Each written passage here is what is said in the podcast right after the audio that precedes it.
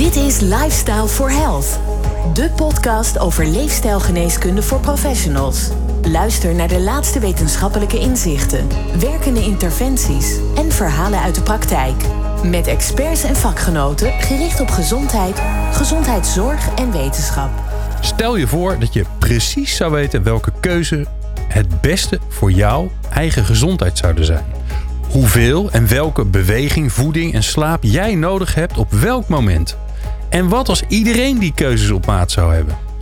Data zou dat wel eens mogelijk kunnen maken. Hoe werkt dat? Wat kan er nu al? Welke data worden er dan gebruikt? En hoe zit dat eigenlijk met de privacy? Ik ben Glenn van den Burg en ik ga daarover in gesprek met Niels Chavannes. Hij is hoogleraar huisartsgeneeskunde in het Leids Universitair Medisch Centrum. Hilda Bouwman, senior scientist en programmaleider Digital Health bij TNO. En Pieter Jekel, voorzitter van de werkgroep Gezondheid en Zorg bij de AI-coalitie. Fijn dat jullie er allemaal zijn. Eh, we beginnen met een stelling om even de boel op scherp te zetten. Over vijf jaar kan iedere Nederlander de eigen gezondheid volledig zelfstandig monitoren aan de hand van data. Nou, Pieter, wat denk je? Ja of nee? Ik zeg ja. Oké, dat is mooi. Daar komen we straks op terug. Hè? Dat is goed. Niels, over vijf jaar, hè? Nog niet, nee. Nog niet? Nee, precies. Ik denk niet iedere Nederlander. Oké, nog niet iedere Nederlander. Hilda, wat denk jij? Ja, ik ben bang dat ik ook. Ik, ik, ik zou zo graag ja willen zeggen, maar ik ben bang dat vijf jaar iets te kort is om uh, op de volledigheid en alle mensen ja te zeggen. Oké, dus de, tijd en, de, en of iedereen dat zou kunnen. Oké, nou, nou laten we eerst maar even, even een beetje duiken in um, ja, die gezondheidsdata, wat je er allemaal mee zou kunnen. Um, Hilda, hoe ziet dat eruit? Gezondheid gedreven door data? Ja, hoe ik het zie is dat het zo ontzettend mooi zou zijn als de, nou ja, de data waar Niels veel, veel, meer van weet, maar de zorgdata en onze persoonlijke gezondheidsdata, de data die iets zegt over hoe gezond wij op dit moment zijn, die we de hele dag in onze omgeving verzamelen, dat we die ook echt kunnen gebruiken om voor dat individu een, een programma te, te, genereren waar die ondersteund wordt om zijn gezondheid um, op peil te houden. En um, hoe dat eruit ziet, hoe dat ook interacteert met een individu, ook dat zie ik als iets persoonlijks. Want de een wil dat op een hele andere manier dan de ander. Ik noem Pokémon Go wel eens als een voorbeeld waar het op een andere manier gebeurt. Waar um, nou ja, het veel speelser gebeurt. En de ander wil misschien Wikipedia lezen. Dus dat zijn een beetje de verschillen die ik daar ook zie. Ja, wat, Niels, wat, wat, wat is deze natuurlijk nu al van alles? Ja. Het is niet zo dat we nu uh, in stenen tijdperken leven en dat iedereen nog alles opschrijft. Dus wat, wat gebeurt er nu allemaal al met de, met de data om, om ons heen uh, als je bij, inderdaad bij de huisarts zit? Ja, er, er zijn allerlei losse applicaties. Dus bepaalde apps die je kunt gebruiken voor je gezondheid. Uh, stappentellers kennen we allemaal. Maar ook toenemend, bijvoorbeeld wanneer je suikerziekte hebt. Dat je dan veel beter weet wat je suikerniveaus zijn. Soms zelfs wat je voedselintake is. En wat dat dan mogelijk kan doen met je medicatiebehoeften. Ik noem maar een zijstraat. Alleen het is nog niet aan elkaar geknoopt. Het is nog niet geïntegreerd. En het is zeker niet zo dat je daar real-time over een soort van dashboard kunt beschikken. Waar al die data veilig en betrouwbaar binnenkomt stromen. Hè. Dus de, de, de eerste snippets van zo'n systeem, die, die zijn al in place. Maar de grote uitdaging is om dat allemaal te integreren, zodanig dat we daar ook echt real-time gebruik van kunnen maken. Ja, want is dat, is dat dan een van de uitdagingen die er ligt? Dat er misschien best wel veel data al is, maar op veel te veel verschillende plekken en het wordt niet geduid en nou, noem maar op. Ja, daar zit de grote uitdaging. Uh, en dat ook, uh, Niels noemde het al even, dat dat ook in, in een manier moet die privacy by design is. We willen niet dat een van de grote Amerikaanse bedrijven dat even voor ons verzamelt en het voor ons inricht. We willen dat het op onze manier, de Europese manier van uh, gebruik van data gebeurt. Waarbij ook het individu de controle heeft om nou, te, de keuze te hebben waarvoor data gebruikt wordt. Ja, uh, Niels, je noemde al even, uh, ik, ik ben zelf ook zo'n type. Ik heb zo'n horloge die van alles nog wat bijhoudt. En mhm. dan ja, met simpele rondjes laat zien of het wel of niet goed gaat. Wat ik aan, uh, op, op, die dag aan het doen uh, ben. Wordt dat al gebruikt bij huisartsen? Nou, dat hangt een beetje van je huisarts af. Er zijn een paar uh, tech-huisartsen die heel ver zijn. En die dit ook gewoon uh, vrij makkelijk hebben geïntegreerd in hun praktijk. Maar je hebt ook anderzijds huisartsen die zeggen... joh, dit is helemaal niet mijn core business. Uh, doe het lekker zelf. Ik, ik, ik wacht het even rustig af. En dus er is heel veel variatie. Maar um, simpel zei je net, dat is eigenlijk heel goed. Want als het dus met van die simpele rondjes gaat... dat iedereen het in één oogopslag kan zien... dan is het fantastisch. En dat is vaak wat er misgaat bij allerlei nieuwe toepassingsmogelijkheden is veel te complex. Het is gemaakt voor mensen die de NRC Zaterdag bijlagen met plezier lezen, zeg maar. Ja, ja ik, weet dat ik zelf wel een aantal keer begonnen ben om bij te houden wat ik allemaal eet. En ondanks dat je uh, barcodetjes en zo kan scannen, het is toch een hoop gedoe nog steeds. Hè? Je zou eigenlijk gewoon, het zou vanzelf moeten gaan. Maar ja, daar is volgens mij nog geen oplossing op. Nou, er zijn wel wat voorzichtige stappen in die richting. We hebben bijvoorbeeld aan het LMC een appje gemaakt... wat een foto maakt van wanneer je door de supermarkt loopt. Hè, dat je een foto maakt van, uh, laten we zeggen, een watermeloen. En dan zegt de app, goh, dat is uh, zo'n uh, glycemische index. Dus hoe suikerrijk en hoe snel dat beschikbaar komt in je bloed. Een bepaald getal, hè, wat redelijk betrouwbaar is. En dan zegt hij, joh, dat is eigenlijk best wel een hoog getal. Hè, met een rode achtergrond. Je zou ook voor kiwi of voor kersen kunnen gaan. Want dat heeft een veel lagere glycemische index met een plaatje erbij. Zodat ook iedereen die niet zo goed kan lezen, direct ziet: hé, hey, het alternatief. En verdomd, er liggen ook kersen. Nou, laat ik dan maar de kers nemen. Dus dat nutje mensen eigenlijk heel laagdrempelig verleiden tot andere keuzes. Qua voedsel bijvoorbeeld. Uh, dat is denk ik wel een hele belangrijke optie. Oké, okay, dus die, die, die app die kijkt alleen maar met een fotootje. Zoals ik een foto maak van een fles wijn om te zien of, die, ja. of ik een beetje een lekkere fles wijn Precies. heb gekregen van die goede vriend van ja. mij. Ja. Die doet eigenlijk precies hetzelfde, maar dan herkent hij gewoon wat een watermeloen is. Juist, dus er zit een algoritme achter en die bestaan gelukkig. Hè. Een heleboel dingen kunnen worden herkend. Natuurlijk af en toe ook met uitglijers. Hè. Misschien dat een basketbal ook wel op een meloen lijkt. En dan uh, snap je dat dat niet klopt. Nee. Uh, maar specifiek voor dit soort keuzes die mensen iedere dag maken. Hè. Een gemiddelde Nederlander komt iedere dag in de supermarkt. En dan in plaats van die roze koeken dus uh, meer de volkoren biscuit aanbevelen. Ja, Hilda, nou hebben we het over uh, datagebruik voor individuen. Ik kan me ook voorstellen dat het heel interessant is om dat allemaal op een hoop te gooien. En vervolgens te kijken, ja, hoe gaat het in Teach Extra Deel? Uh, hoe gaat het in, uh, in, in Amsterdam-Zuid?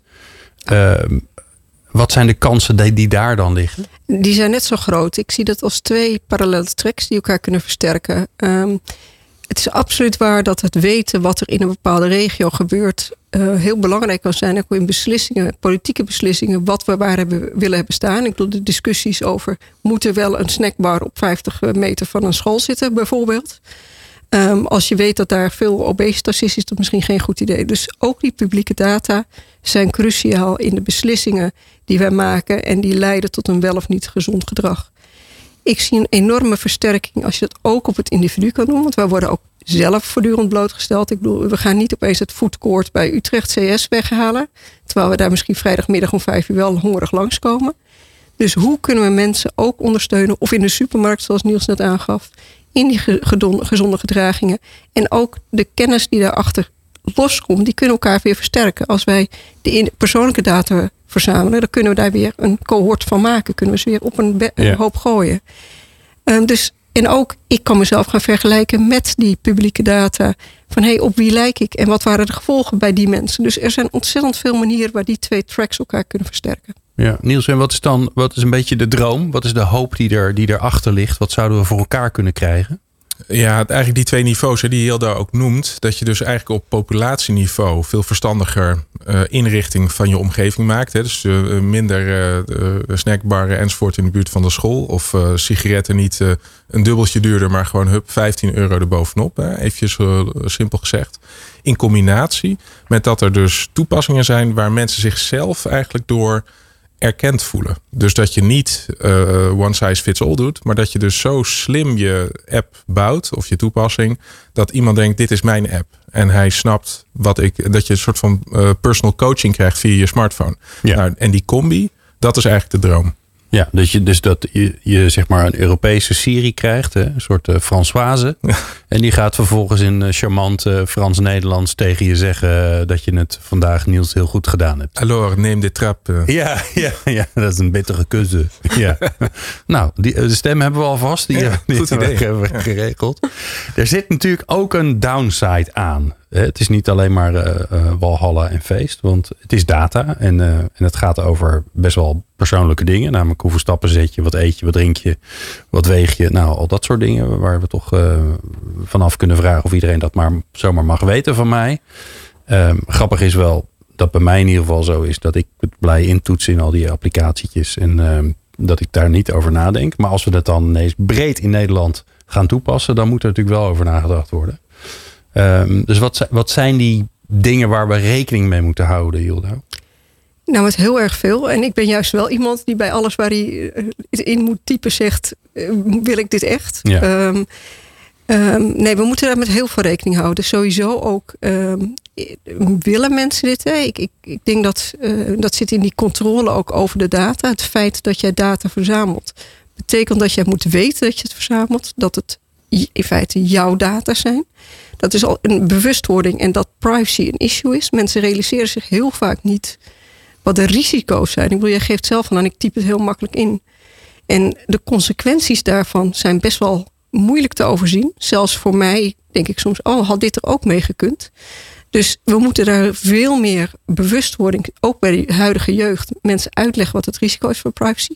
Maar ook ze echt serieus controle geven, maar ook iets teruggeven voor die data. En dat kan zijn in je persoonlijke advies, maar ook op andere manieren. Ook als jij weet dat het feit dat jij data hebt gedeeld de gezondheid van een naaste heeft verbeterd, Hmm. dat heeft ook waarde. Dus we zullen op verschillende manieren moeten nadenken over innovaties. En we moeten natuurlijk aan de achterkant zorgen dat je hele infrastructuur zo is ingericht dat ik nooit in jouw data kan kijken. En als ik wil, omdat Niels mijn huisarts is, dat hij er wel in kan kijken, dat hij dat kan. Maar dat ik dat ook zie dat hij dat alleen is en niet zijn secretaresse bijvoorbeeld. Ja. Dus dat zijn belangrijke zaken die gewoon keihard geregeld moeten zijn. Ja. Er gebeurt natuurlijk al heel veel met data en, en AI, artificial intelligence, voor de zorg en voor gezondheidswinst. De Nederlandse AI-coalitie is een groot publiek-privaat samenwerkingsverband waarin diverse organisaties zich inzetten om de AI-ontwikkeling in Nederland te versnellen en AI-initiatieven in Nederland met elkaar te verbinden. En Pieter Jekel is de voorzitter van de werkgroep Gezondheid en Zorg bij deze coalitie.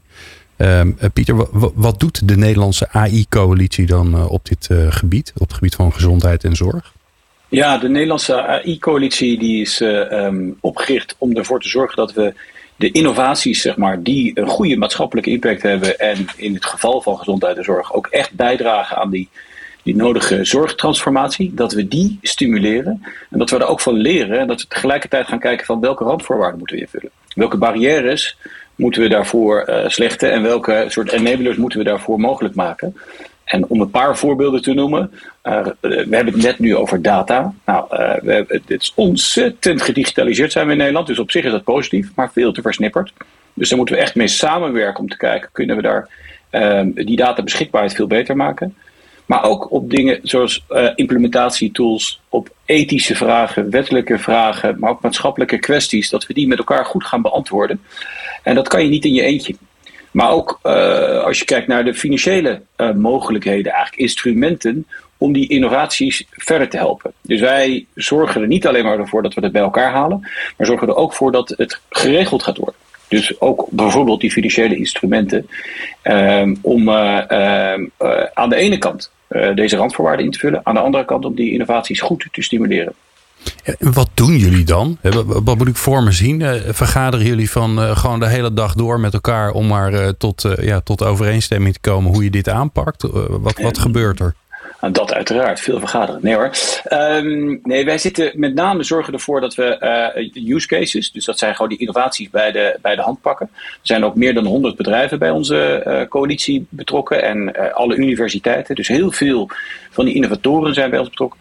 En we, we pakken die bij de hand en gaan daarmee met hen in gesprek om te kijken van waar schort het nou op? Hoe kunnen we jullie nou verder helpen?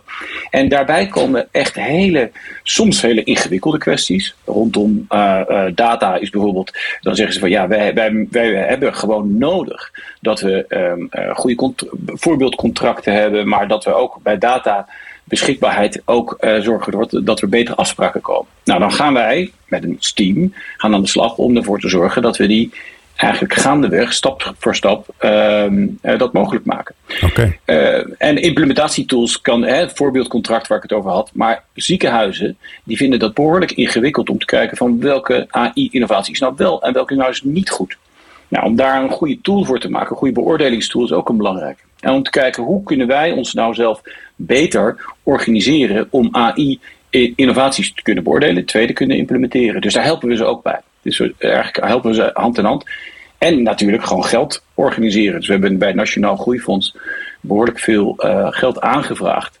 En ook uh, toegekend gekregen om, uh, om dit een, een, stap verder te brengen. Ja. En als je nou kijkt naar de, de preventie en de gezondheidswinst van AI, wat, wat zie jij dan als de belangrijkste kansen die er liggen? Nou, kijk, sowieso. Hè, wij, we zijn de, de Nederlandse AI-coalitie werkgroep voor gezondheid en zorg. Dus dat is vanaf leefstijl tot met uh, oncologie en alles wat ertussenin zit. Um, uh, dus het, het, het leefstijl- en het preventiestuk is ontzettend belangrijk. Ook als we kijken nu naar die zorgtransformatie die in Nederland gaan, nodig is, daar is het preventiestuk ongekend belangrijk. En in preventie heb je een extra uitdaging. Want um, je hebt de zorgsystemen en je hebt eigenlijk de persoonlijke data. En die, ja, daar wordt heel hard gewerkt zeg maar, om in ziekenhuizen de data op orde te krijgen. Ook wel bij de huisartsen. Maar we leven nog wel een beetje in silo's in Nederland. Ook in regio's. Dus moet het over Nederland moeten we zorgen ervoor dat we dat uh, eigenlijk beter mogelijk maken om die data beschikbaar te maken. Maar ook uh, tussen leefstijl en gewoon de, de patiënt, de burger um, en de zorgsystemen. Nou, dat, dat, dat is nog een flinke uitdaging. We hadden het net over vijf jaar ben absoluut voorstander om dat in vijf jaar te regelen. Maar dit is nog wel een flinke uitdaging. Het was je wens dat het over vijf jaar geregeld is. Ja, ja. Precies. Nou, het lijkt me ook zo uitdagend dat, dat er zoveel bronnen zijn. Uh, en, en, zoveel verschillende bronnen. Het maakt nogal uit of je uh, je huisarts je data bijhoudt. Of je onderzoeksgegevens uit de ziekenhuizen. Of je stappenteller. Dat, die, die, ja, dat, dat zijn A, andere bronnen. Maar ook het, de kwaliteit van de bronnen is natuurlijk totaal verschillend. Ja, de kwaliteit is, die moet natuurlijk goed zijn. Dus dat betekent wel dat we met elkaar goed moeten opletten wie welke kwaliteit heeft en welke niet. Dus dat is een belangrijke. Maar een ander is, we kunnen ook slimmer met die bronnen omgaan. We kunnen al die data bij elkaar brengen in één groot datasysteem en daar naartoe kijken. Nou, eh, daar, daar heb je alle voor- en nadelen van. Maar je kan ook kijken, kan je niet de algoritmes naar de data toe brengen? Dus dat is meer eigenlijk ervoor te zorgen dat we op een, dat heet federated learning. Um, dat is een andere mogelijkheid. En, en, wellicht ligt de waarheid ergens wel tussenin. Um, dus daar zijn we nu hard aan het werk om te kijken van wat is de beste manier eigenlijk om ervoor te zorgen dat je AI-innovaties um, niet meteen uh, maar naar één datapunt hoeft te laten kijken, maar dat je die eigenlijk de algoritmes over de verschillende bronnen heen kan laten gaan en daar weer van kan leren. Ja, want dat klinkt als een van de grote uitdagingen. Hè? Een, een, een plek in Nederland waar ergens een, een, een serverpark staat waar alle data van alle Nederlanders samengebracht is. Dat lijkt me een accident waiting to happen. Dan word ik ethisch hacker morgen. Ja, toch? Ja, ja, ja, precies, ja, ja, maar uh, je noemde het al even federated en toen werd het voor mij heel ingewikkeld. Ik zag Hilda al enorm knikken, dus ik denk die, die snapt wat het is. Nou, ik, denk dat uh, Pieter al een mooie introductie uh, ervan maakte. Het, idee is eigenlijk van inderdaad je late data waar ze staan. En uh, je noemde al een beetje, er zijn verschillende opties. Hè. Dus ze staan bij een huisartsinformatiesysteem. Ze staan in een ziekenhuisinformatiesysteem. Daar kun je over nadenken. Hoe breng je die huisartsdata en die ziekenhuisdata bij elkaar. Zodat we er iets over kunnen leren. Maar ook bijvoorbeeld die persoonlijke data van nou, die trackers waar we het net over hadden. Die, die horloges. En federated learning doet precies wat Pieter zei. Die brengt het model naar de data. Leert uh, op het eerste stationnetje waar hij komt, gaat naar het volgende station en wordt zo ieder stationnetje een stukje wijzer. Daar gaat eigenlijk federated learning over. Wat daar ook nog belangrijk is. Een soort reizend AI eigenlijk. Precies, precies. Oh. Ja, en wat daar altijd wel de vraag over is, hoe doe je dat ook weer op een veilige manier? Want ook tijdens het reizen kun je bestolen worden. Dus ook daar moet je over nadenken van, nou ja, hoe zorg je dat daar dus niet op geïnterveneerd wordt? Ja, ja. Laten we eens eh, met elkaar kijken naar, uh, naar, de, naar de praktijk. Want daar hopen we natuurlijk allemaal op wat het ons voor ons kan betekenen. En wat er vooral ook nodig is om, ja, om daar te komen waar we willen zijn. Dus laten we eerst even inventariseren. We weten eigenlijk al ehm, dat die data heel belangrijk is. En dat we dus op een of andere manier moeten zorgen dat die data bij elkaar komt. Zonder dat we daar allerlei privacy en gevaarlijke situaties organiseren. Wat is er nog meer nodig? En ik kijk jullie gewoon even allemaal aan. En, uh, het gaat.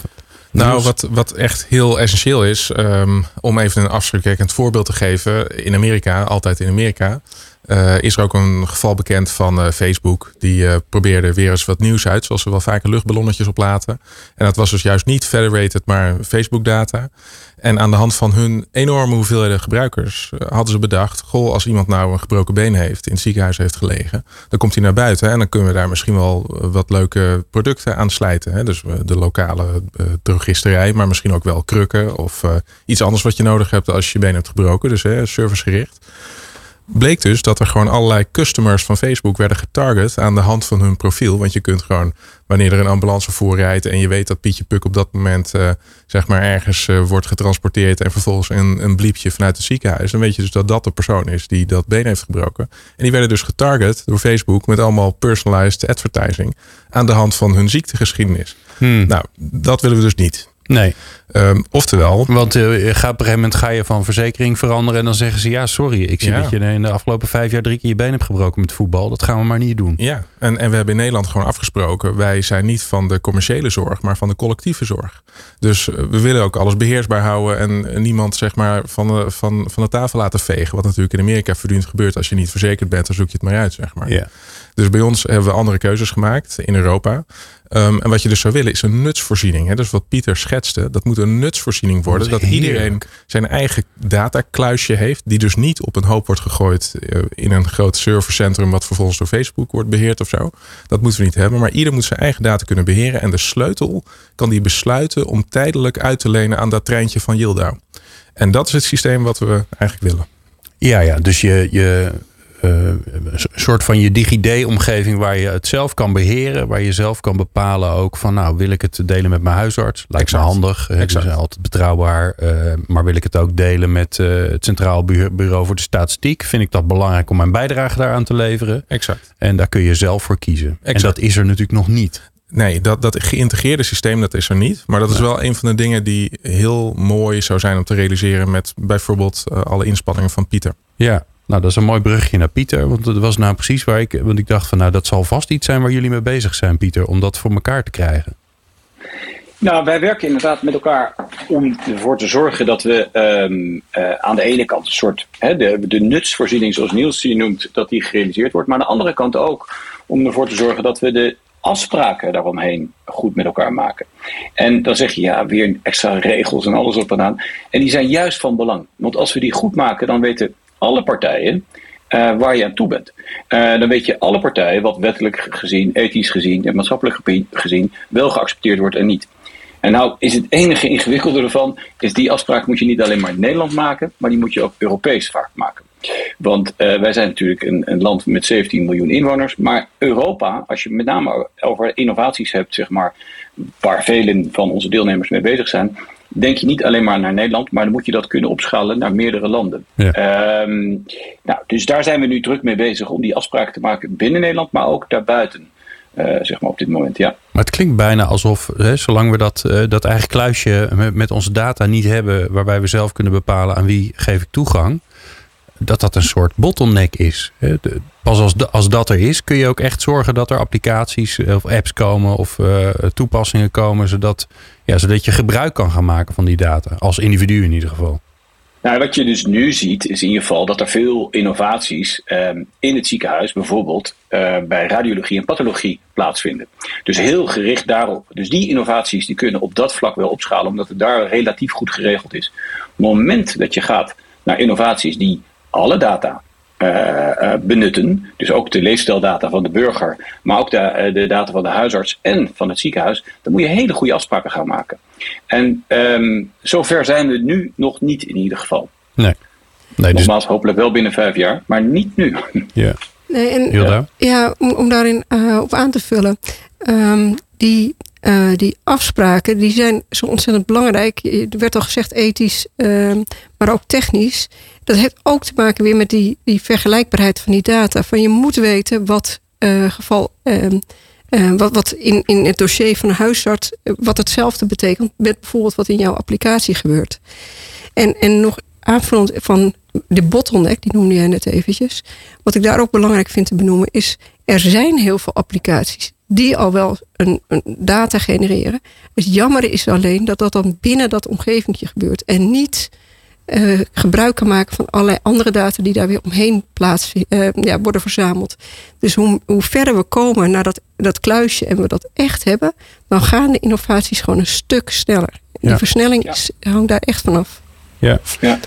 Ja, en, hoe zien jullie dat voor je? Hè? Want eh, het is een, soort van innovatieparadox dat je enerzijds wil je, ben je met hele gevoelige dingen bezig en wil je dat allemaal goed regelen. En, en ja, uh, is het niet een omgeving waar het maar een beetje mis mag gaan? aan de andere kant zijn de, de, de potentiële ehm, effecten ervan zo interessant en zo groot. Ja, dat je ook niet wil dat het nog 50 jaar duurt. Niels, dus hoe breng je die twee bij elkaar? Ja, zoals wel vaker bij echte veranderingen in kleine stapjes. dus het, het gaat niet in één keer opeens over. Maar om even een voorbeeld te gebruiken, dat is dat het makkelijkste. Um, heel veel ziekenhuizen worstelen met allerlei wetgeving, waardoor ze data niet mogen delen. dat is gewoon vastgelegd. Dat is ook heel belangrijk dat we dat goed bewaken. Zodat er juist niet een Facebook opeens uh, onze dossiers komt uh, doorsnuffelen. Het nadeel is dat ik als huisarts bijvoorbeeld dan niet eh, gebruik kan maken van alle onderzoeksresultaten die in het ziekenhuis zijn geweest. En niet zelden wordt er gewoon onderzoek opnieuw gedaan. Dus ik heb bijvoorbeeld een longfunctie bij iemand laten blazen. En het ziekenhuis doet het nog een keertje over, een dag later. Nou, dat is natuurlijk gewoon echt verspilling. En ook vervelend voor de patiënt. En een grote frustratie voor alle dokters. Nou, wat hebben we nou gedaan? Heel goed gekeken naar de, de letter van de wet. En wat bleek nou? Je mag heus die data delen met de huisarts als specialist, mits het de behandelende huisarts is. dus als ik iemand instuur voor nierziekte naar de nefroloog in het ziekenhuis en hij doet allerlei onderzoek, dan wil ik graag die uitslagen direct kunnen bespreken met die patiënt, die natuurlijk de dag erna angstig en bevend bij mij op de stoep staat. Dat kan dus niet. Want het is verboden, denken we. Dat is dus niet zo, want ik ben behandelend huisarts. Dus ik mag het gewoon zien volgens de wet. Nou, wat hebben we nou gedaan? Heel eenvoudig. We hebben gewoon een linkje gemaakt. Een, een technische koppeling tussen het huisartssysteem en het ziekenhuissysteem. Waarbij je alleen maar die uitslagen kunt zien als je inderdaad de behandelend arts bent. En dus alle andere hulpverleners die kunnen er dan niet bij. En jij kunt ook niet bij patiënten die niet van jou zijn, zeg maar. Ja. En dat hebben we gerealiseerd. Technisch is het helemaal niet ingewikkeld, maar niemand durfde het, want men was bang voor die wetgeving. En daar hebben we dus ook met juristen naar gekeken of het wel klopte wat we dachten. En die gaven ons gelijk. Dus we, moeten ook zoeken naar de, naar de kansen die er zijn. En, en, wie is hier nou van? Want dit vind ik een heel mooi voorbeeld waarbij je zegt, nou, er kunnen al dingen, alleen we denken dat ze niet mogen of het is ingewikkeld omdat je met partijen bij elkaar mhm. moet brengen. Ja. Dus wie zorgt er nou voor dat er, dat er vanuit de patiënt gedacht, vanuit de, de zorgverleners gedacht, gezegd wordt: hé, hey, wacht even, dit zou handig zijn. Ja. Ehm, het is nog niet zo. We gaan onderzoeken of, hoe we dat op kunnen lossen. Ja. ja, dit komt voort uit enerzijds gefrustreerde en anderzijds enthousiaste hulpverleners. dus de nefroloog die erkende dit probleem. Omdat patiënten dus dan bij die huisarts aankomen kloppen. En die huisarts zegt, ja, ik weet het ook niet. Ik zal weer gaan bellen. En dan ja, is het natuurlijk een enorm gedoe. Ja. En die nefroloog zei, ik wil graag die service bieden. En sterker nog, dan hoeven we niet meer een brief te sturen. Want dat gebeurt dus ook nog heel vaak. We hebben zoals uitgerekend in het LUMC... worden per jaar voor zes ton brieven verstuurd. Terwijl dat had je ook elektronisch kunnen doen. Ook wat beter voor het milieu. Ehm, dus er zit heel veel routine in de zorg die eigenlijk verspilling is.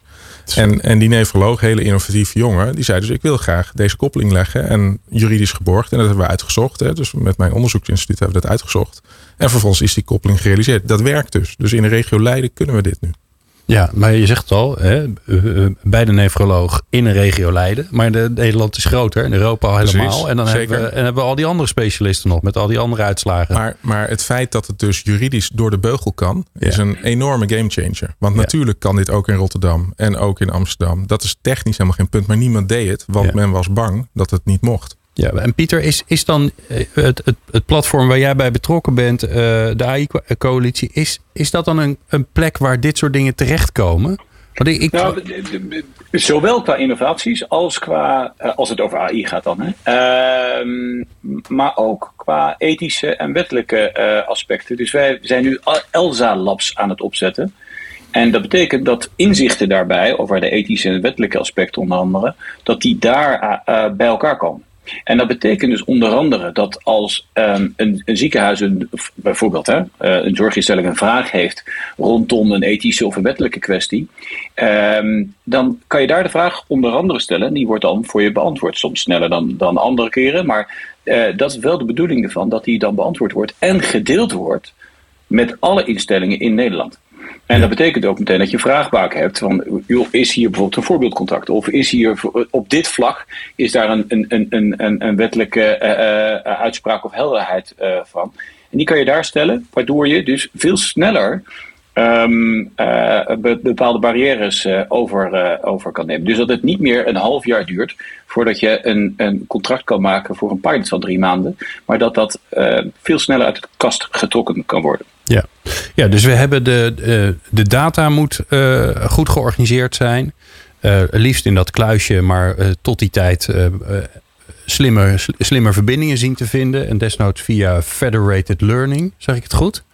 Oh, weer wat nieuws geleerd. Ehm, ehm, ik hoor eigenlijk Niels jou ook zeggen. We hebben, we hebben veel mensen nodig die vanuit de praktijk heel, praktisch, heel uh, logisch gaan nadenken. Vanuit hun frustratie en hun enthousiasme van waarom kan dit eigenlijk nog niet? En dan, en dan ja, bij de juiste mensen aankloppen. Nou, in dit geval uh, bij jou bijvoorbeeld, Niels. Maar ze kunnen volgens mij ook bij TNO aankloppen, denk ik. Ja, toch? Um, dus dat is nodig. Wat is er nog meer nodig om die versnelling erin te krijgen? Om te zorgen dat we over vijf jaar in ieder geval uh, met heel veel mensen veel meer gebruik kunnen maken van die data. Ja? Ja, wat we nog niet goed hebben eh, besproken is de rol van de, van de patiënt of de consument. Um, en gelukkig is daar eigenlijk de eerste rudimentaire vorm van zo'n kluisje ontstaan. dus dat noemen we dan PGO in goed afko Nederlands. Ja. Persoonlijke gezondheidsomgeving. En dat bestaat. En daar kunnen mensen al, dat zijn vooral chronische patiënten die vaak naar de dokter moeten, uh, ja, lid van worden. Dat kost dan een paar euro, geen grote bedragen. Maar dan heb je eigenlijk jouw persoonlijke datakluisje, wat je zelf kunt beheren. Waarbij je dus ook hulpverleners kunt aan- of uitzetten. Aha. En ja, dat is nu eigenlijk sinds dit jaar in de eerste fase van gebruik genomen. Er zijn aardig wat van die aanbieders. En dat is denk ik een heel belangrijk principe. Dat we die patiënt ook als unit nemen van waar we alles proberen te ontwikkelen. En wat je zei, dat het probleem ook echt moet bestaan. En niet tech push. Dat er een bedrijf is wat iets kan en dat vervolgens probeert dat te verkopen. Nee, het moet vanuit een klinisch gevoeld probleem zijn. Want dan zie je ook dat de uptake in de zorg veel beter gaat. Ja, maar dan zeg je dus eigenlijk ook, die, die patiënt of die burger, die moet dan wel even zo'n zo'n kluisje kopen voor die paar euro. Ja, maar dat systeem wat ik net vertelde, hè, met die uitwisseling tussen huisarts en, en specialist, dat gaat dus ook via een van die kluisjes. Want die hebben eigenlijk ons systeem geadopteerd. Want dat zij okay. zitten en dat is een landelijke speler. Oké, okay. Hilda? Ja, het mooie is dat inderdaad die PGO's een mooie kans geven, ook voor hergebruik van data. Want het is nu echt gericht op de communicatie tussen de zorgverlener en de patiënt. Uh, we zijn nu met een trial bezig om te laten zien dat het ook echt mogelijk is om die data bij elkaar te brengen en daar vragen op te beantwoorden. Een van de vragen, we hebben hem hier echt um, gefocust op het corona, um, de corona use case. Eigenlijk als een reactie op het datalekkage bij de GGD. Wat kunnen wij nou een PGO gebruiken om het corona dashboard van de Rijksoverheid opnieuw te vullen?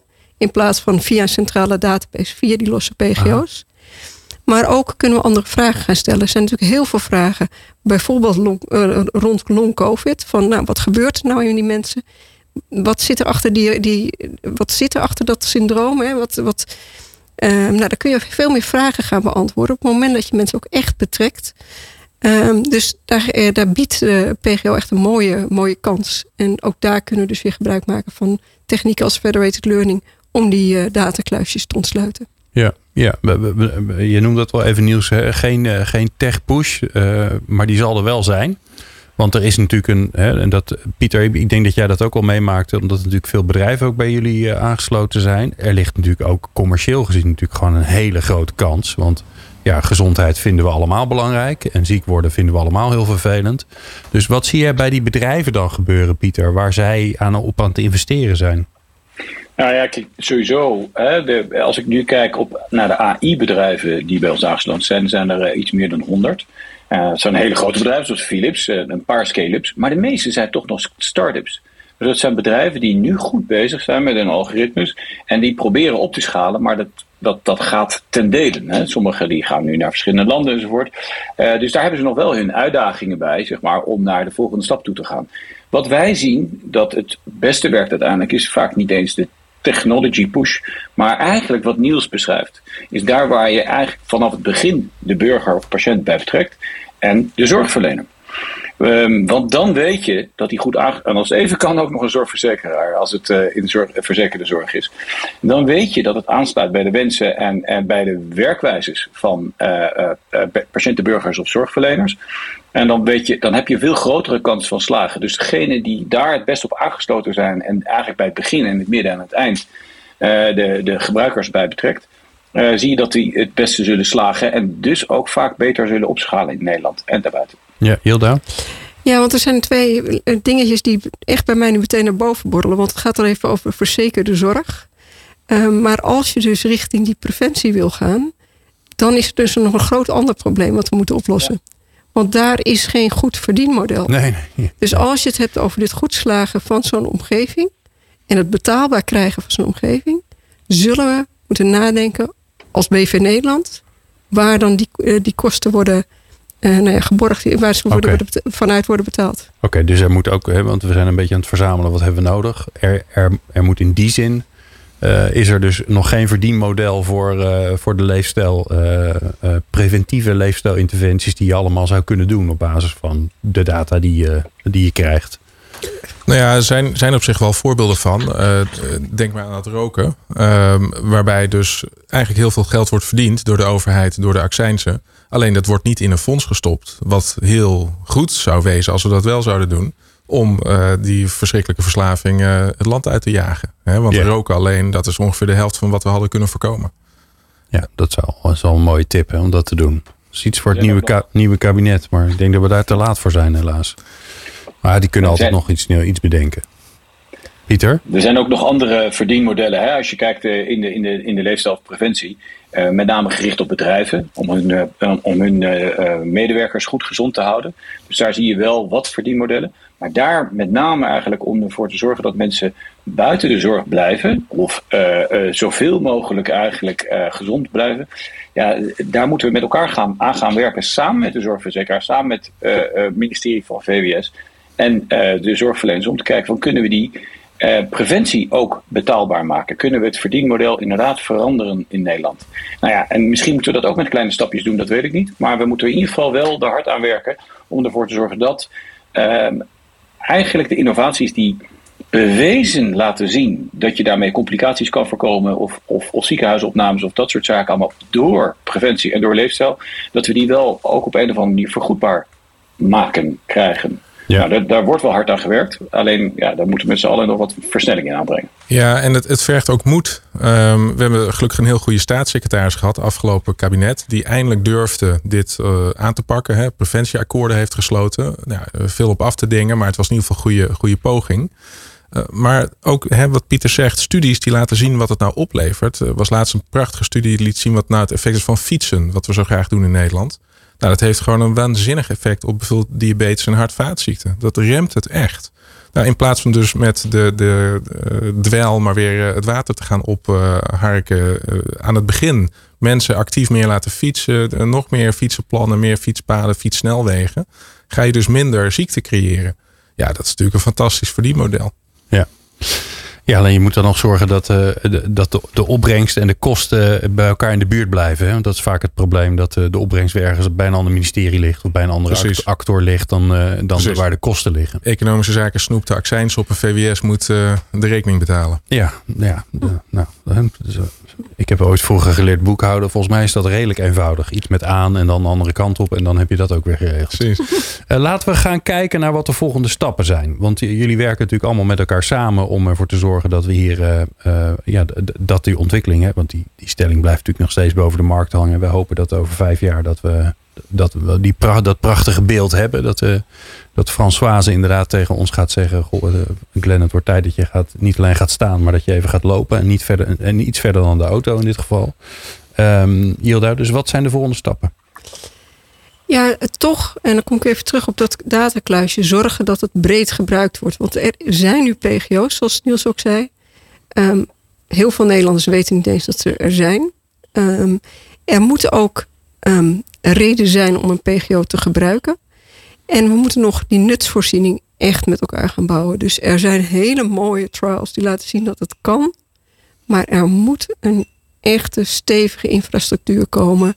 Um, waar al die mooie componenten samenkomt en dat onderhoudbaar blijft. Ja. Um, dat zijn denk ik de allerbelangrijkste eerste stappen. Ja, en waar werk jij nu aan? Um, op dat gebied? Op dat gebied werk ik nadrukkelijk. Wordt er onderzoek gedaan? Of, uh... Ja, we doen dus inderdaad aan verschillende kanten onderzoek. We doen onderzoek naar hoe kun je beter monitoren hoe gezond iemand is. We doen onderzoek naar hoe kun je nou over die privacy, die, hoe kun je die privacy borgen van data, maar ook Um, hoe communiceer je erover? Um, vervolgens ook, als je al die data verzameld hebt, wat kun je ermee? Maar ook vooral, hoe geef je weer advies terug? En hoe doe je dat op die manier dat het aansluit bij het individu nou, waar we het over hebben? Want uh, als dat niet aansluit, dan gaan mensen het ook niet opvolgen. Ja. Hilda, wat um, onze luisteraar, wat, wat raad je onze luisteraar aan om te doen? kan die iets moois lezen op de TNO-website? is, er een, is er een paper? Is er een, is er een consortium waar hij zich bij kan aansluiten? Moet hij bij Pieter onderdeel worden van de AI-coalitie? Wat is je advies? Nou, het hangt natuurlijk heel erg van de luisteraar af. Maar er zijn verschillende hele mooie initiatieven. Ik denk dat de Nationale AI-coalitie, als het over AI gaat, hele mooie stappen aan het zetten is. Daarnaast hebben we natuurlijk Lifestyle for Health. Daar zijn we nadrukkelijk bezig om leefstijlgeneeskunde een betere ehm, positie te geven in ons zorgdomein. Um, dat is ook een initiatief waar verschillende luisteraars geïnteresseerd in zouden kunnen zijn om daarbij aan te haken. En nou, deze twee organisaties hebben ook gewoon hele mooie websites die mooie visies hebben, um, waar verschillende partijen goede bijdrages aan zouden kunnen leveren. Pieter, wat zou je onze luisteraar aanraden om te doen? Om, om, een, stap te zetten op het pad van uh, inzetten van, van AI. Om uh, ons allen in Nederland gezonder te, te, gezond te houden en gezonder te krijgen? Nou, een paar dingen. Ten eerste, hè, als je kijkt, uh, had net over leefstijl en preventie en lifestyle for health. Wij zijn er ook echt heel goed in hè, in Nederland. Dus dat moeten we ook wel even zeggen. Dat wij we zijn, uh, op dat vlak zijn we ook echt goed. Dus ik denk dat het goed is om met elkaar ook daarin te investeren. Om te kijken, kunnen we daarin excelleren? Niet alleen in Nederland, maar ook internationaal gezien. Dus dat is één ding. Dus ik zou zeggen, sluit je erbij aan. Uh, zorg ervoor dat je innovaties ook op, die, op dat vlak uh, aanbiedt bij ons, bij Lifestyle for Health. Om te kijken van hoe kunnen we zorgen ervoor, kunnen wij ervoor zorgen dat wij hen helpen, hè, verder breder op te schalen. Dus ik denk dat dat van belang is. Ander punt wat we ook nog moeten doen, want tussen de luisteraars zullen er misschien ook partijen zijn die met data bezig zijn. En dit probleem, of hè, deze uitdaging rondom databeschikbaarheid, die geldt voor veel meer partijen. En heel veel regio's zijn ermee bezig om dat uh, uh, voor elkaar te krijgen. Maar mijn, eigenlijk mijn oproep zou daarbij zijn: laten we er in ieder geval voor zorgen dat iedereen die energie die ze daar nu in stoppen, blijft stoppen. Maar wel uh, dat we niet uit elkaar groeien, maar juist naar elkaar toe groeien. En dat betekent toch een stukje coördinatie in Nederland met elkaar. En uh, zorg ervoor dat als je bezig bent met databeschikbaarheid, dat we even contact met elkaar opnemen, zodat we het inderdaad samenwerken meer op dat vlak. Mooi, dankjewel Pieter. En Niels, je mag uh, afsluiten. nou ja, wij hopen natuurlijk ook, en dat is gelukkig ook zo, dat er ook flink wat huisartsen naar uh, deze podcast luisteren. Dus wat zou je tegen je vakgenoten willen zeggen? Nou ja, wat heel belangrijk is voor mijn vakgenoten en trouwens ook de, de andere collega's en ook niet dokters, is dat wat we allemaal proberen uit te venten, dat het wel klopt, dat het waar is. Dus we moeten gewoon netjes onderzoek doen of het hout snijdt. Hè, want er zijn ook heel veel gebakken lucht dingetjes uh, te vinden. En dat is vaak waarom dokters zich er überhaupt niet aan branden. Het andere punt wat ik wil maken is, we moeten, zoals Jilda zei, implementeren en dat ook netjes onderzoeken. Zodat die scale-up, die Pieter noemde, ook echt kan plaatsvinden. En dat is gewoon een, een, een, speciale tak van wetenschap. En dat wordt veel te weinig gedaan. Maar binnen mijn lab, het National e-Health Living Lab, doen we dus heel veel implementatieonderzoek. Omdat we zien dat er superveel goede voorbeelden zijn in Nederland. Maar die blijven dus allemaal in hokjes zitten en op planken ja. liggen. En nu gaan we dus gewoon vol voor de honderdduizenden of de miljoenen gebruikers. Dat is gewoon het doel. Mooi. Ja, dus uh, mocht jij zelf luisteren en denken, ja, maar ik, ik heb een, een fantastische oplossing ergens voor en een hele slimme koppeling gemaakt. En, uh, en je denkt dat Niels er nog niet van weet. Nou, dan moet je dat natuurlijk zeker aan Niels Chavannes laten weten. Absoluut. Uh, dank jullie wel dat jullie er waren. Niels Chavannes, hoogleraar bij het LUMC. Hilda Bouwman van TNO en Peter, Pieter Jekel van de AI-coalitie. En jij natuurlijk bedankt voor het luisteren. Dit was Lifestyle for Health. Wil je meer informatie? Of wil jij onderdeel worden van de Lifestyle for Health community? Ga dan naar lifestyleforhealth.nl.